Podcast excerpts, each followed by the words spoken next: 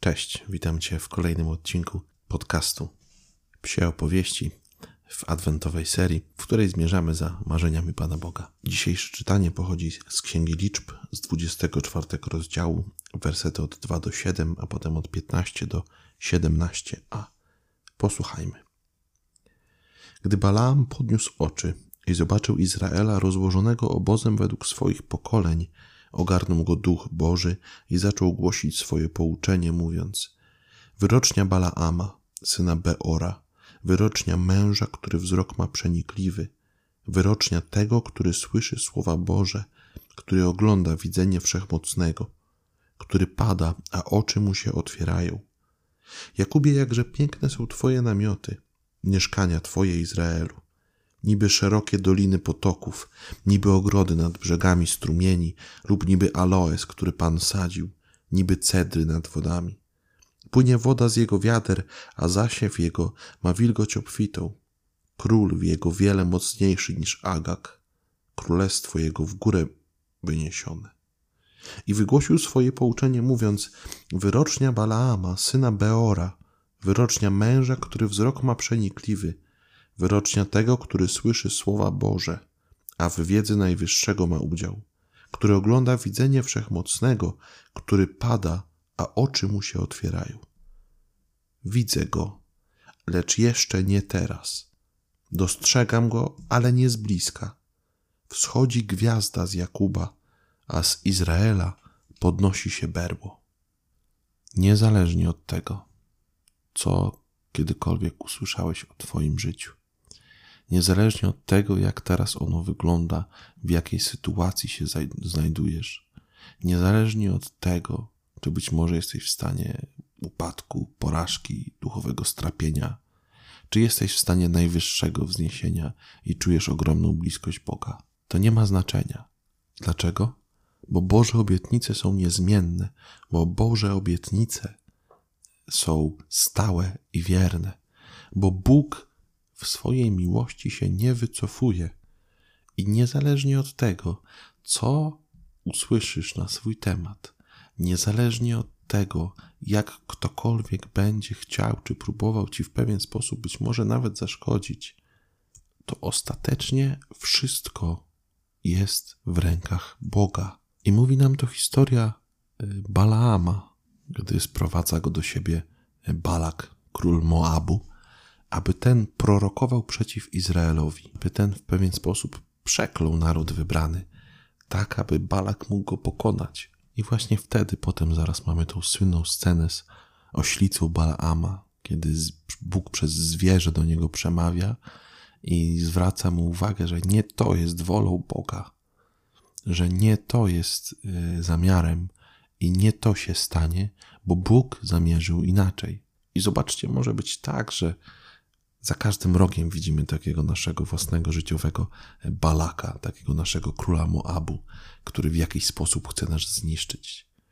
To może być jakaś nasza słabość, jakaś wada, jakiś grzech, jakiś upadek, albo czasem człowiek, z którym nie możemy dojść do zgody. Ale Boże zamysły są niezmienne i Bóg chce wylewać swoje obfite błogosławieństwo na ciebie, niezależnie od tego, czy czujesz się dobrze, czy źle, czy czujesz się słaby, czy bardzo mocny.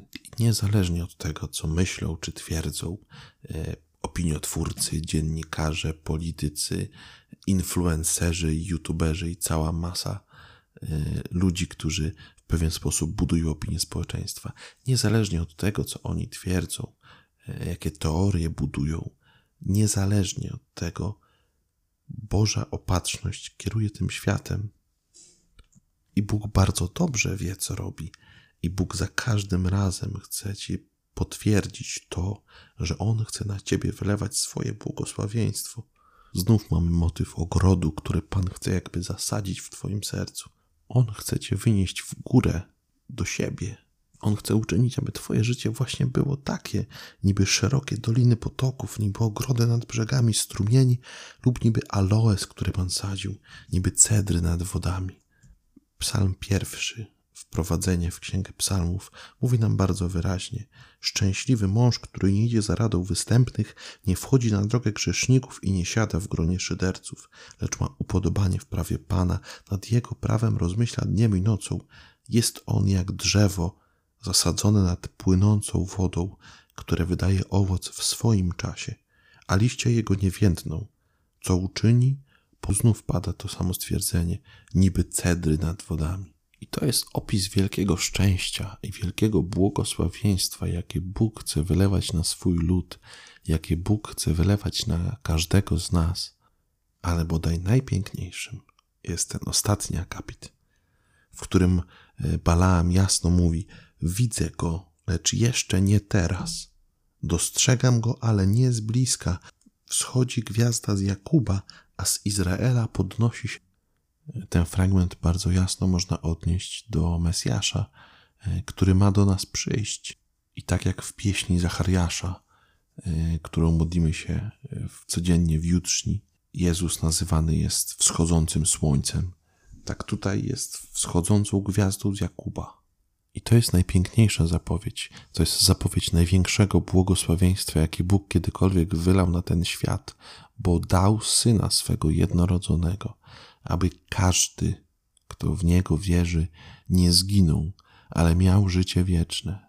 Bóg chce wylać na ciebie swoje błogosławieństwo poprzez Jezusa Chrystusa, który przyszedł, żył, umarł i zmartwychwstał po to, abyś mógł żyć w pełni szczęścia z Bogiem tu na ziemi i kiedyś w wieczności. To jest wielki dar i to jest wielkie błogosławieństwo. Zadbajmy o nie. Dziękuję Ci, że zechciałeś spędzić ze mną te kilka minut. E, niezmiennie zapraszam, abyś udostępnił ten odcinek. Być może komuś te treści się przydadzą. E, po raz kolejny chciałem tylko przypomnieć, że od 17 grudnia zmieniamy nieco formułę ponieważ e, tak jak nas prowadzi liturgia Kościoła, nieco przeskoczymy, bo będziemy zajmować się tak zwanymi wielkimi antyfonami. Będziemy analizować ich tekst, e, patrzeć na to, jak i co mówi nam on o Chrystusie, o Zbawicielu, który już nadchodzi. Dziękuję i do usłyszenia w kolejnym odcinku psich opowieści.